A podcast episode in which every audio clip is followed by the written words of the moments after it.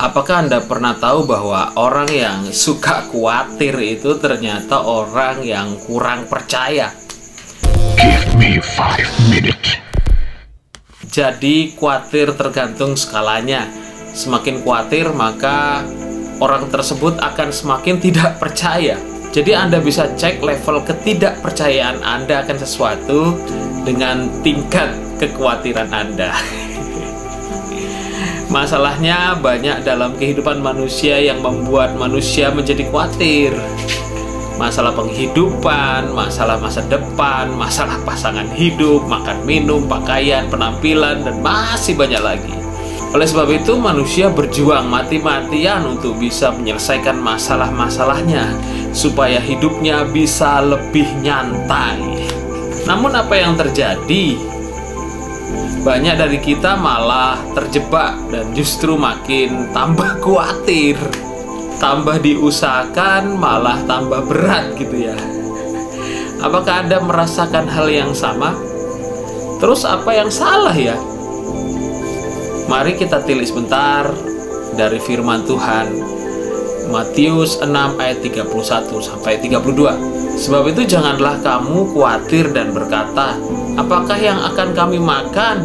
Apakah yang akan kami minum? Apakah yang akan kami pakai? Semua itu dicari bangsa-bangsa yang tidak mengenal Allah akan tetapi Bapa yang di sorga tahu bahwa kamu memerlukan semuanya itu. Firman Tuhan mengatakan jangan mencari apa yang dicari oleh bangsa-bangsa yang tidak mengenal Allah.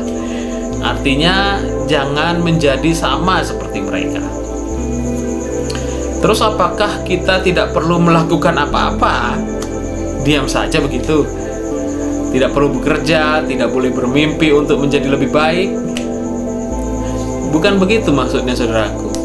Jika Anda naik ke atas pembacaan kita tadi, maka akan dijelaskan tentang hal mengumpulkan harta di bumi. Dijelaskan bahwa di mana hartamu berada, di situlah hatimu berada. Yang menjadi masalah bukan boleh atau tidaknya, namun letak dan posisi hati kita itu di mana? Di dalam Tuhan atau pada harta? Karena seperti yang sudah dibahas sebelumnya, Hati itu adalah pusat dari perasaan kita. Jika sampai hati kita tersentuh oleh ketidakbenaran, bisa berbahaya buat diri kita. Ada istilah dari mata turun ke hati. Mata itu jendela jiwa, saudaraku. Mata itu salah satu pintu gerbang untuk masuknya pengaruh dalam diri kita. Apa yang kita lihat mempengaruhi hati kita Mata itu pelita tubuh kata firman Tuhan.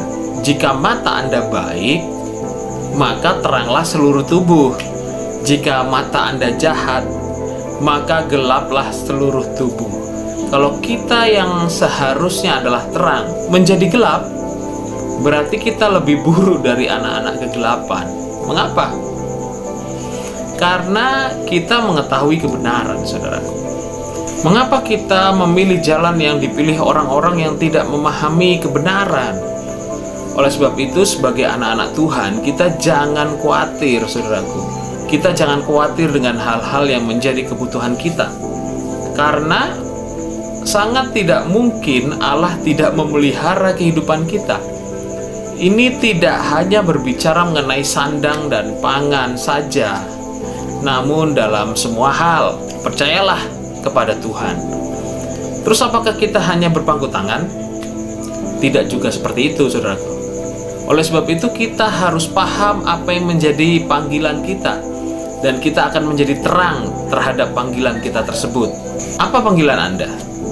Misalnya menjadi guru. Ya, jadilah guru yang memuliakan Tuhan. Jadi berkat buat murid. Atau mungkin panggilan Anda sebagai pebisnis Jadilah pebisnis yang benar dan membawa nama Tuhan sehingga Anda menjadi berkat bagi orang lain.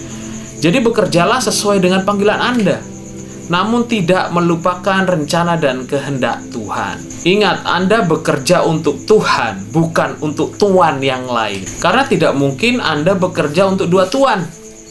Firman Tuhan mengatakan juga demikian.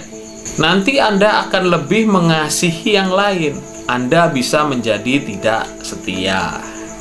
Jadi, sebagai anak Tuhan, kita mengerjakan panggilan dengan yang terbaik, dan tentunya sudah pasti Tuhan sudah mengerjakan bagian beliau.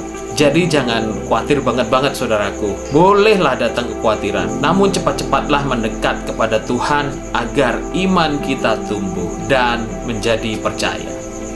Semoga firman Tuhan menguatkan hati Anda sampai akhir. Tuhan Yesus memberkati Anda.